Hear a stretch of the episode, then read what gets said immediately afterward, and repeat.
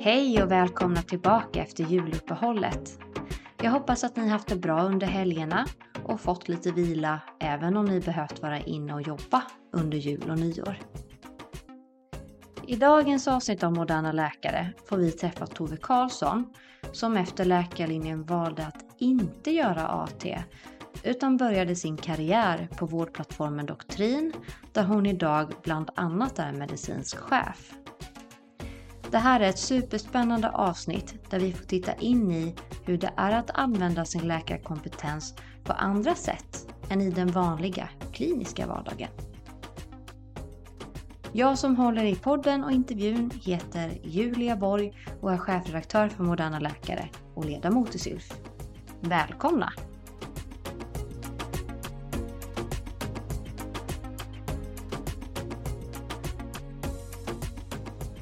Välkommen eh, till Moderna Läkare Tove. Tack, jätteroligt att vara här. Eh, Tove, jag tänker att vi börjar med att du får presentera dig.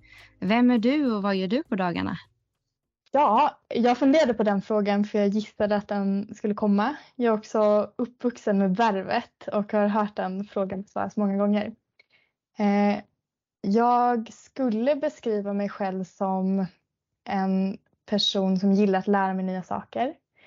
Eh, som är väldigt nyfiken både på människor men också på typ hur världen hänger ihop. Jag gillar verkligen att jobba med människor som är lite olika mig eller helst mycket olika mig. Och en av de sakerna som jag verkligen drivs av är att lära mig nya saker och helst de situationer där jag liksom hittar någonting som jag trodde att jag visste och sen så motbevisas det och jag inser att jag har fel.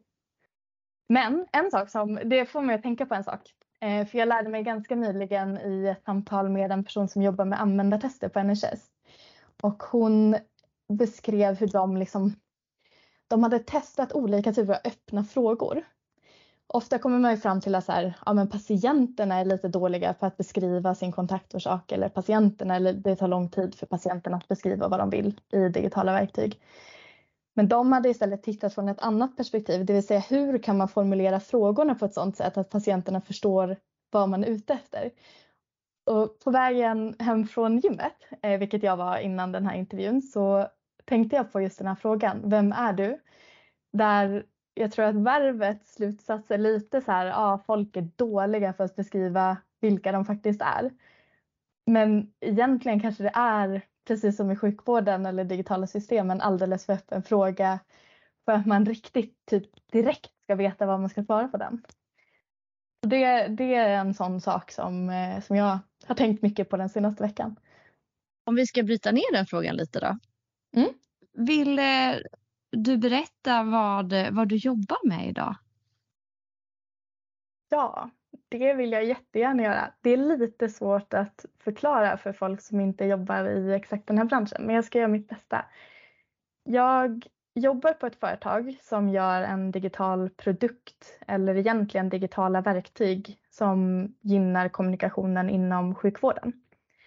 Våra främsta kunder är befintliga primärvårdsaktörer som jobbar både digitalt och fysiskt och sen integrerar de våra verktyg i sina processer. Och på det här företaget som heter Doktrin så jobbar jag både med produktutveckling eh, där jag jobbar tillsammans med ett utvecklingsteam och liksom styr vad vi gör och tar reda på varför vi ska göra vissa saker och prioritera mellan de önskemål som vi får in. Sen leder jag också vårt medicinska team som jobbar med digital anamnesupptagning och det var egentligen det teamet som jag började i, eller både jobbade i när jag var student fast då väldigt långt bort från företaget och som jag sen började jobba i heltid för fyra år sedan. Och den sista delen som är lite mer ny för mig men som ändå har varit en ganska stor del av min tid de senaste ett och ett halvt åren. Eh, det är att jag jobbar med följsamhet till regulatoriska standarder. Vad betyder det? Ja, eh, det betyder att man i praktiken så betyder det att man behöver ha dokumentation som beskriver hur man gör saker eller hur man ska göra saker enligt regulationer som finns för digitala verktyg eh, på den europeiska marknaden. Och sen måste man bevisa att man följer de processerna. Så kortfattat handlar det om det, att liksom följa de regelverk som finns och bevisa att man gör det. Tove, jag tänker att du ska få berätta mer om eh, vad du gör i din arbetsvardag lite mer ingående. Men om vi liksom börjar från början. Vad läste du till läkare och hur såg liksom vägen in sen då från den kliniska verkligheten in till, eh, in till doktrin? Det hela började egentligen med att jag flyttade från Piteå ner till Stockholm för att plugga till läkare. Vilket som hade varit min dröm eller min ambition egentligen sedan jag gick gymnasiet. Både tidigt gymnasium men också högstadie. Ehm, så jag befann mig en bit utanför Piteå i en liten by som heter Ejebyn där jag pluggade på naturbruksgymnasium och läste till en massa saker ehm, som var väldigt bra för läkarutbildningen. Till exempel eh, svetsning och eh, traktorkörning och sådana saker. Men eh, sen i alla fall så började jag på Karolinska och pluggade där i Stockholm. Och ungefär, jag tror två år in i utbildningen så kom det ut någon annons från Doktrin eh, som sökte extrajobbare som läkarstudenter. Jag minns inte hur jag hittade den eller varför jag hittade den. Jag tror att det var ett mejl. Men det eh, nappade jag på i alla fall och träffade grundarna för Doktrin då back in the days, det måste ha varit typ 2018 eller någonting sånt. Eh, och sen jobbade jag egentligen timmar för doktrin under resten av min studietid. Då med egentligen framförallt byggande och utvärdering av eh, frågeformulär eller anamnesformulär. Och sen efter läkarexamen så sökte jag jobb lite överallt. Jag skulle precis signa en, eh, en anställning med en vårdcentral i Hässelby. När Linda som då jobbade på Doktrin nådde ut och som jag hade haft som kontaktperson och frågade om jag ville ha en fast anställning. Vilket jag absolut inte ville för att jag fattade inte överhuvudtaget vad man gör på ett företag som Doktrin. Vad skulle jag göra där och eh, vad skulle det innebära för min karriär? Så jag var ganska skraj men pratade lite med min mamma och så pratade jag lite med min partner och så pratade jag lite med mina vänner och de sa typ vad är det värsta som kan hända? Du måste ju våga testa någonting annat också. Eh, så det gjorde jag och sen har jag stannat där de senaste fyra åren. Hann du jobba någonting kliniskt innan du började på doktrin? Jag jobbade både på vuxenpsykiatrin och BUP. Eh, dels tog jag ett uppehåll ett halvår för att jobba på helningsvården jag hade gått direkt från gymnasiet till läkarutbildningen och blev ganska studietrött där på slutet. Um, och sen jobbade jag en del jourer även i början av min doktrinanställning på vuxenpsykiatrin och lite grann på BUP. Har du gjort AT? Nej, det har jag inte gjort och det var min mm. största, mitt största sam, samvetskval. Både personligen men också gentemot mina föräldrar kan jag säga. Eh, det är en fråga som jag brottats jättemycket med. Särskilt med tanke på att jag läser den gamla läkarutbildningen som ju kräver att man gör AT inom en viss tid för att man ska få legitimation.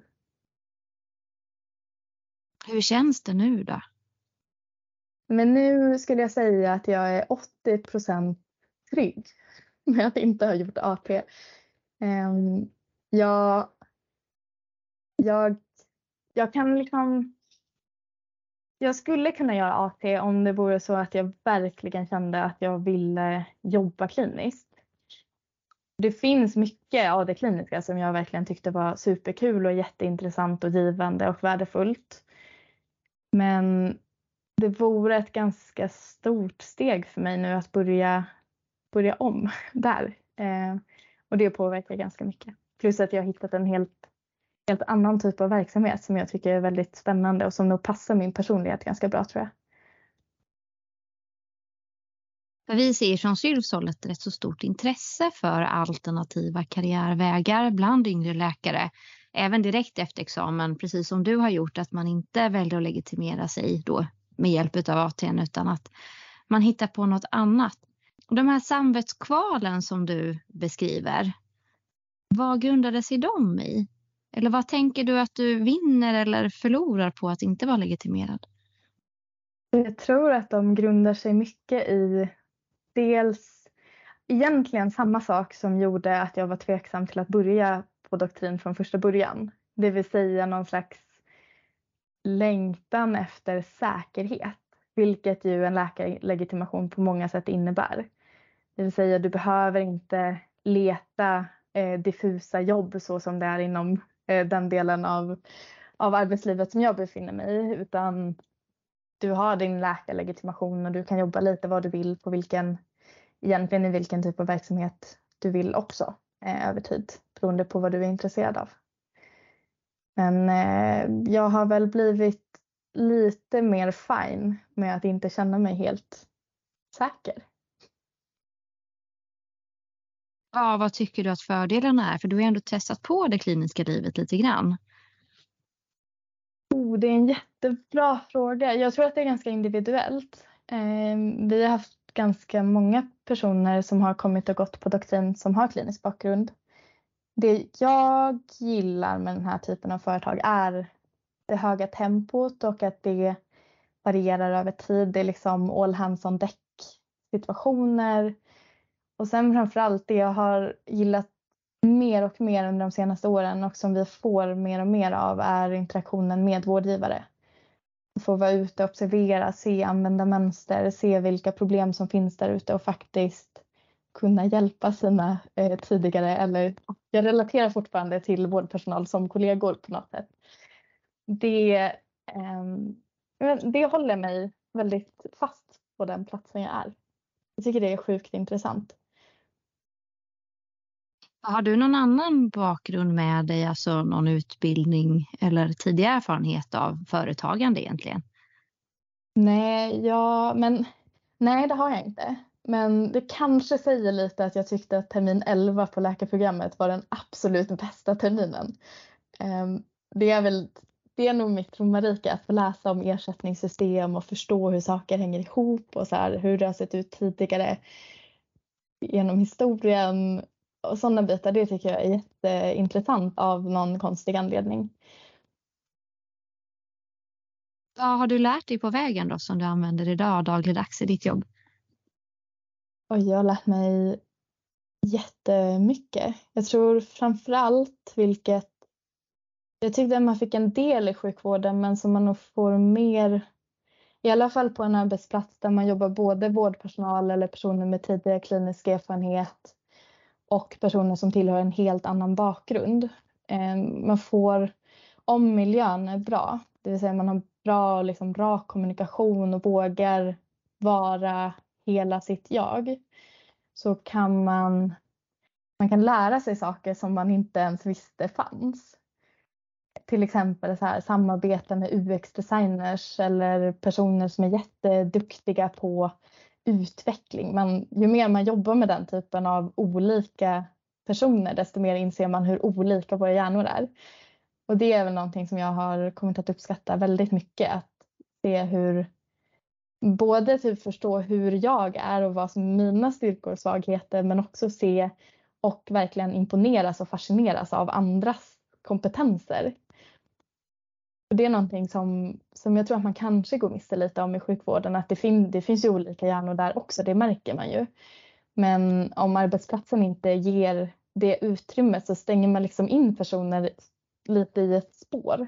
Eller man försöker placera folk i en box Istället för att se till att de kan växa och göra de sakerna som, de, som varje individ egentligen är riktigt bra på.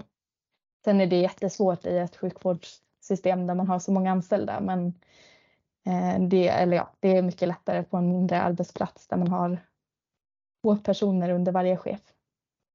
Tror jag.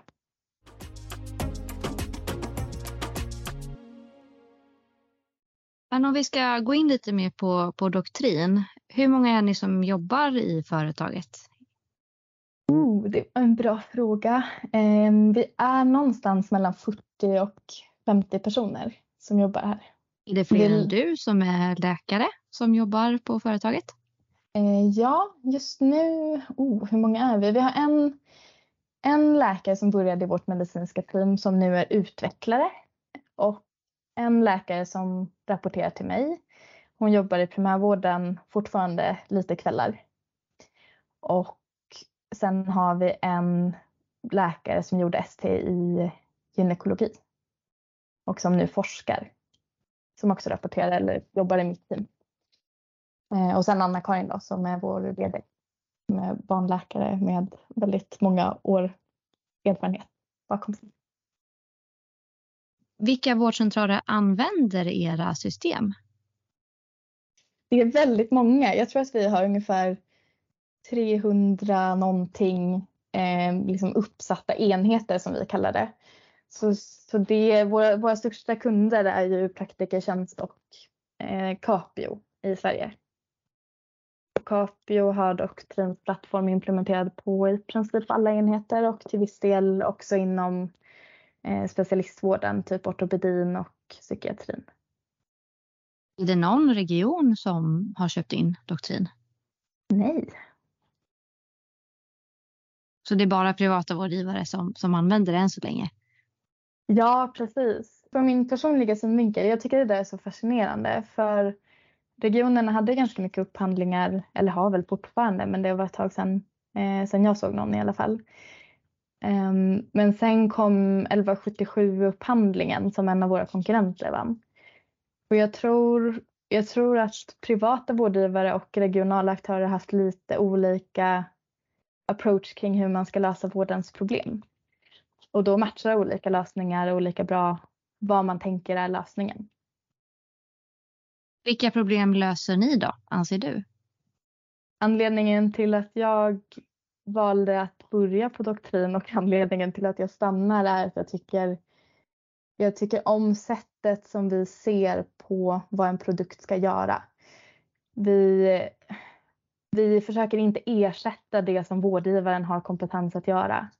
Vi tror liksom inte att ett digitalt system bättre kan fatta beslut kring en patients vård till exempel.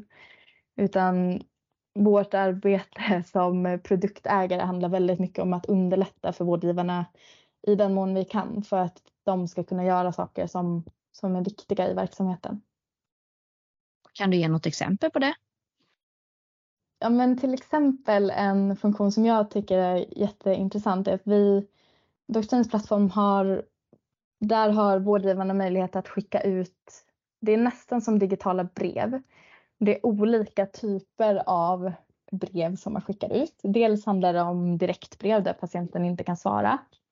Och sen handlar det också om eh, en typ av brev där man liksom efterfrågar anamnes. Och den delen tycker jag är jättefascinerande för den öppnar upp för ett arbetssätt där vårdgivarna kan förbereda till exempel fysiska besök eller årskontroller eller följa upp patienter som man precis har träffat. Den ser vi mer och mer att våra större kunder verkligen börjar använda. Och där eh, till en början, mitt team har ju byggt alla de här anamnesformulären under alla de år som har funnits. Men vårdgivarna har aldrig kunnat se innehållet i formulären. Så de senaste månaderna så har vi gjort det möjligt att för dem att se manus så innan de skickar ut det till patienterna. Eh, både för att sänka tröskeln men också för att man ska känna sig trygg med vad man faktiskt skickar ut som vårdgivare. Och sen är nästa, nästa steg då att de ska kunna välja bort frågor som inte är relevanta för situationen och patienten. Är det någonting som du har varit med och, och utvecklat som du är extra stolt över? Mm, ja, det, det finns eh, många, många små grejer. Jag tycker egentligen de allra roligaste utvecklingarna man gör är de här riktigt små simpla grejerna som verkligen gör skillnad. Typ, alltså det kan vara så små grejer som eh, val du gör i checkboxar. Om man ser då att vårdgivaren alltid eh, behöver klicka i eller klicka ur en checkbox och man då kan ändra defaultinställningen för den så att den alltid är så som användaren ändrar den till.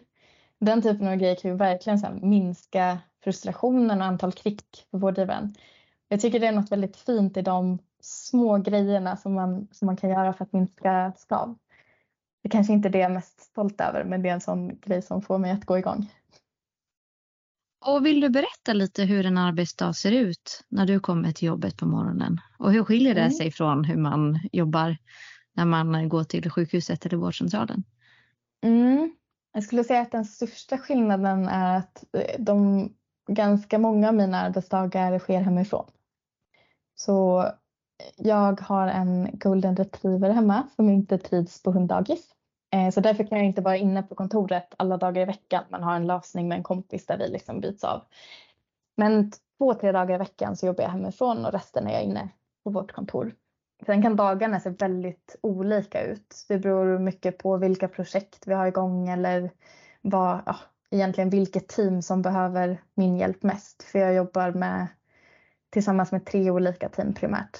Så det kan vara allt från produktutvecklingsbeslut till att man är ute och observerar hos vårdcentraler eller eh, sjukhus eller andra, eh, andra typer av enheter som använder oss. Till att man eh, gör en powerpoint kring någonting som man har sett eller någonting som man ska presentera. Så det är väldigt otroligt varierat. Mycket skrivande, mycket sammanställande av data, sammanställande av eh, feedback från användare och eh, samtal med kunder och kollegor. Hur stor personalstyrka ansvarar du för? Jag ansvarar för, nu ska vi se om jag ska få ihop det här rätt. Jag ansvarar för totalt fyra personer just nu. Um, och det där har varierat lite över åren. Jag började med att vara chef för vår tekniska support och då var det typ två stycken som jobbade på, liksom, på dagarna och sen var det två stycken som jobbade typ varannan vecka på kväll och helg. Och eh, nu för tiden så är de, de som rapporterar till mig, det är både personer i medicinska teamet men sen också vår eh, QA-RA-specialist. Nu ska vi försöka översätta det här till svenska. Kvalitetssäkring och eh, regulatoriska frågor specialist skulle jag säga. Men har du personalansvar också i det? Ja, precis. Sen jobbar jag, alltså jag har personalansvar för de fyra personerna och sen jobbar jag nära med ett utvecklingsteam som jag liksom, jag är, jag är inte chef till dem men jag styr vad de jobbar med tillsammans med min eh, tekniska chefspartner. Det medicinska teamet, vad, det låter ju jätteintressant tänker jag som, som läkare. Vad, vad är det ni gör rent liksom praktiskt i, i det? Back in the days så skapade vi anamnesformulär från scratch. Då var det det vi gjorde liksom alla dagar i veckan och så. Eh, nu för tiden när det mesta finns på plats, framförallt för primärvården, så handlar det om att eh, göra om och göra rätt och lära sig av hur det används just nu och vad man har för behov just nu i olika typer av kontakter och sen anpassa sig efter det. Eh, och där är jag hjälp av en av de andra läkarna i teamet som har fått ta över lite mer av den teamlead-delen där man mer får tänka kring så här, hur ska vi göra, vad vill vi göra och eh, göra den typen av planering av arbetet. Så. Men vi jobbar egentligen med att sätta upp både frågeformulär som patienterna svarar på och sen eh, konfigurera hur, hur vårdgivarna kan läsa det här i sitt gränssnitt när patienten har svarat nu för tiden, eh, vilket jag är jätteglad för, vi har jättemycket kundkontakt. Så vi har jättemycket kontakt med personer som samordnar, användare blir det ju för oss, men vårdpersonal på sin sida. Där vi eh, försöker förstå och gör lite olika pilotprojekt för att landa närmare målen för, ja, som kunderna har egentligen. Och, och fråga vilken roll medicinska teamet har. Är det liksom kärnan, motorn i verksamheten eller är det eh, liksom de som piffar till eh, produkten på slutet? Eller hur upplever du att, eh, att vilken ställning som medicinska teamet har i, i verksamheten? Om det alltså, går att svara på. Absolut. Um, så som det visualiseras är medicinska innehållet kärnan i produkten. Um, den var med från start och den har varit någonting som vi har jobbat extremt mycket med på doktrin över åren. Sen är den inte kärnan i alla flöden i vår produkt skulle jag säga. Men den är viktig. Men jag tror det varierar lite över tid. Jag tror aldrig att medicinska teamet riktigt har varit kärnan i verksamheten för oss som organisation. Men de har varit väldigt viktiga för att sprida kompetens och kunskap kring sjukvården, hur det funkar i olika typer av verksamheter, eh, vad en vårdgivare behöver och så vidare. Så att den rollen har medicinska teamet verkligen haft genom åren. Och de som, eh, som rapporterar till dig då, är de också läkare eller jobbar de, har de någon annan utbildning i botten eller kompetens? Mm, de som rapporterar till mig i medicinska teamet är läkare. Sen har vi en medicinsk administratör men som hon rör sig mer mot HR-frågor nu. Vilket som ska bli jättespännande att se. Det är någonting som hon brinner för. Vad är liksom stora skillnaderna att eh, vara verksam i industrin då jämfört med att vara kliniskt eh, verksam? Så jag, jag kan nog mer tänka på de emotionella skillnaderna. Dels har man inte, alltså en sak som är väldigt skön, även om vi ofta har det superstressigt i perioder också, är att vi inte har den där emotionella stressen kring att en patient faktiskt kan dö på grund av ett beslut eller ett misstag som vi gör. Eh, och det är någonting som jag tror att många läkare, både som jobbar på doktrin och som har jobbat på doktrin, håller med om och det är någonting som vi pratar om ibland. Just den, den skillnaden är ändå signifikant för någon som har jobbat kliniskt. Eh, sen finns det ju många andra skillnader. Det är ju det, fin det finns många likheter och skillnader skulle jag säga. För oss är ju vårdgivare kunder och sen är vårdpersonal användare. Jag skulle säga om man beroende på var man jobbar och hur man tänker så kan man tänka att patienten också är en typ av kund. Ehm, men vi pratar ju sällan på det sättet i sjukvården så det är ett ganska stort mindset shift att behöva förhålla sig till kunder och användare som om de har rätt på ett annat sätt än vad man kanske alltid tänker kring patienter. Sen har patienter mm. ofta rätt i det som, det som gäller dem själva. Men just kring behandling och så är man nog kanske lite mer tränad som läkare i att inte alltid hålla med. Mm. Och rent eh, praktiskt, eh, hur, hur funkar det med, eller hur är det att inte behöva jobba natt eller helg på schema, att kunna veta att man kan vara ledig på jul till exempel om man vill. Eller är det så på andra mm. sidan? Det är nog lite både individuellt och beroende på vilken roll man har. Eh, jag har jobbat ganska mycket helg och eh, kväll och sådär och jag vet att många i mitt team gör det i perioder, inte för att de måste utan för att de tycker att det är ganska skönt att typ kunna hämta barnen lite tidigare från skolan och sen sitta och pilla när de har gått och lagt sig på kvällen. Så, men sen har vi också extremt hög arbetsbelastning i perioder och då, då jobbar man kväll. Den natt, nattskiften slipper man ju. Men det hade jag inte heller när jag jobbade kliniskt faktiskt. Eller jo, någon enstaka gång, men ganska lite. Om man frågar hur det funkar då när ni har mycket att göra, liksom, får ni övertid då eller eh, Ska ni ta igen det eh, senare eller kör man bara på? Vi har ganska generösa komp. Alltså en sak som är möjligt i, på den här typen av bolag för att arbetsbelastningen varierar så mycket över tid är att när det kommer en så här chunk med jobb som verkligen måste göras nu, nu, nu, det finns en deadline, man kanske jobbar över, man kanske jobbar kväll, man kanske jobbar helg. Då kan man kompa ut den tiden, ofta dubbelt ut efter den perioden. Så man liksom får vilan men den blir lite, det blir lite intervallaktigt över året hur man mm. jobbar. Men på många sätt rätt så likt joursystemet då får man ju säga ändå. Även mm. om det kanske är mer på fasta tider eh, tydligare vad, vilka tider som är värda mer och så. Mm. Ja men precis, vi har ju också ganska kort varsel eh, inför våra jourer då. Men, men eh, det kan vi ha i sjukvården också. Hur funkar det? Eh, nej men man får steppa upp när det behövs. Det är väl lite så det funkar. Jag tror, jag tror att många som, ja, det är väl min upplevelse i alla fall, att det är många som jobbar på vårt företag som är väldigt dedikerade och verkligen brinner för att vi ska lyckas och för att det ska gå bra och för att våra kunder ska ha det bra. Eh, så folk hugger in när det, när det verkligen behövs. Sen försöker vi undvika att det blir så men ibland kan man ju inte förebygga det. Reser du ibland i jobbet?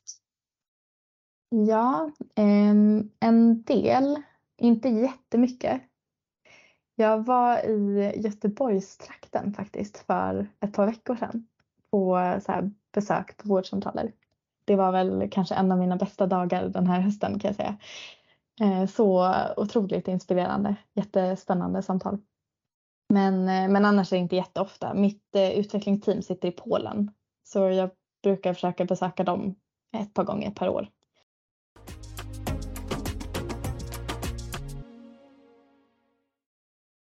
Har du något tips till någon underläkare som funderar på att lämna kliniken och jobba i ett företag istället? Alltså en sak som jag har tänkt på ganska mycket är alltså jag har haft en del gamla kurser som har nått ut till mig för att de har varit intresserade av att göra något annat. Jag tror, jag tror att man verkligen behöver förstå vad man själv behöver innan man vet liksom vet vart man ska söka sig. För även om vården är ju jättehektisk på många sätt och det är ganska hög emotionell stress och andra typer av belastning. Vilket en del trivs jättebra i och inte tycker är, eller man kanske tycker att det, det är värt det. Medan andra kommer tycka att det är jättejobbigt. Och det är precis samma på vår typ av bolag. Så att det beror lite grann på vad man är för typ av person tror jag. Eh, jag, jag själv tycker att det är ganska spännande med förändring. Så när allting vänder i ett kast. Det, det tycker jag är ganska kul eh, och spännande. Medan andra inte tycker det utan vill ha den där stabiliteten och tryggheten och veta ja, men om ett halvår kommer det se ut så här. Men eh, det är väldigt svårt att veta på eh, vår typ av bolag. Det är mycket som kan ändras. Jag har ju någon så här, något specialintresse kring psykologi. Framförallt som chef där man ju har en ganska stor roll i att försöka guida folk vidare och förstå eller hjälpas åt att förstå hur man funkar och vad man har för styrkor och vad man har för svagheter. Och många svar verkar man kunna få genom att fundera kring varför saker är jobbigt. Om man liksom verkligen ställer sig frågan varför vill jag ta mig bort från sjukvården? Och sen så ställer man den frågan varför typ fem gånger till. Då landar man i någon form av djupare anledning till att man vill sluta. Jag tror att den, den är ofta någon form av personlighetsdrag eller någonting som beskriver hur du är som person. Och den kanske, liksom det svaret kan nog leda en lite mer rätt. För att den kan hjälpa en att förstå vad det är man vill ha istället. Hade du något sånt skäl till, till att du valde att jobba på doktrin istället eller var det, ny, var det nyfikenheten som drev dig dit? Jag skulle säga varken eller. Eh, jag var rädd, eh, skeptisk och eh, längtade inte egentligen bort från sjukvården särskilt mycket. Så att det var mer att jag fick frågan och eh, andra sa, ja men testa. Vad är det värsta som kan hända? Och sen så gjorde jag det och det visade sig vara en ganska bra match för mig. Men eh, jag hade absolut inte gjort en djupanalys av mig själv. Jag har nog lärt mig ganska mycket längs vägen däremot kring mig själv. Men vad är ditt bästa tips då om man är intresserad av att göra något annat än att vara inom citattecken vanlig läkare? Oh, den är jättesvår. Nej, men, eh, jag tror att ganska många nu för tiden i och med mängden personer som har rört sig bort från sjukvården känner någon som har gjort det. Så att börja med att prata med en sån person. Jag har pratat med ganska många eh, sådana, både tidigare kurser men också random personer som når ut. Um, och jag tror, jag tror att man kanske behöver höra lite om hur det är att jobba på andra ställen innan man förstår om det är någonting för en själv. Jag som jobbar kliniskt upplever ju att det är en sån riktig boom just nu bland eh, journalsystem och digitala verktyg. Har du mm. någon uppfattning om, om det behövs fler läkare i den branschen för att liksom utveckla och styra de här systemen? Jag tror att det kan behövas en ganska speciell typ av läkare eller person eller sjukvårdspersonal som är väldigt mån om att identifiera problemen och sen väldigt mån om att lösa just de problemen som faktiskt är.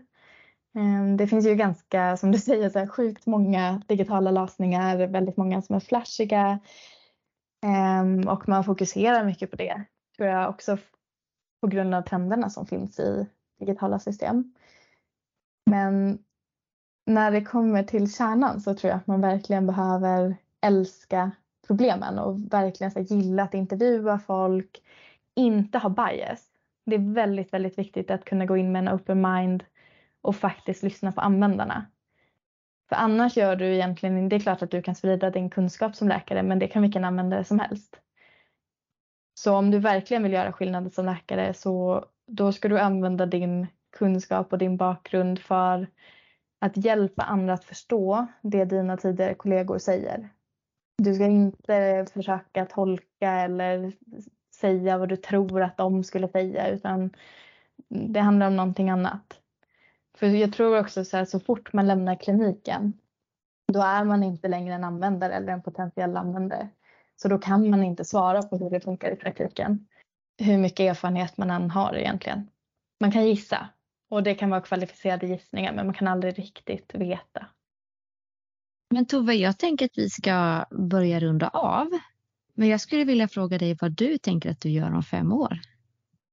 Uh, vi får den här frågan varje gång vi har ett utvecklingssamtal här eh, med våra chefer. Eh, jag tror att jag hade något slags mål där första gången för typ fyra år sedan och sen har jag eh, slutat ha mål faktiskt Eh, och slutat ha tro så att nu, eller tro det låter ju jättehemskt, eh, slutat gissa eh, för jag inser att jag inte har någon aning. Jag, jag tycker det, ja men jag tror att jag kommer vara någonstans där jag får använda mina styrkor och har personer som täcker upp för mina svagheter.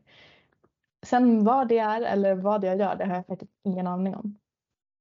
Men tror du att du kommer fortsätta med digitala verktyg inom vården?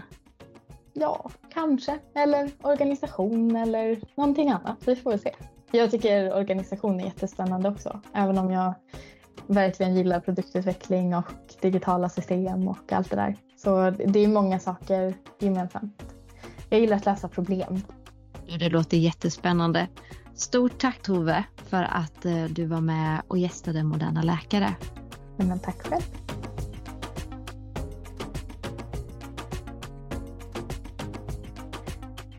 Tack för att du har lyssnat på det här avsnittet. Om du vill höra fler poddar om läkare med alternativa karriärer så kan jag rekommendera avsnitt nummer 5 med entreprenören och läkaren Paulina Ikonen Viktorsson och avsnitt nummer 9 med Dylan Seinova som jobbar inom medtech-branschen. I nästa avsnitt så kommer ni att få höra mer om vad man ska tänka på om man som läkare blir kontaktad utav media. Vi hörs om två veckor.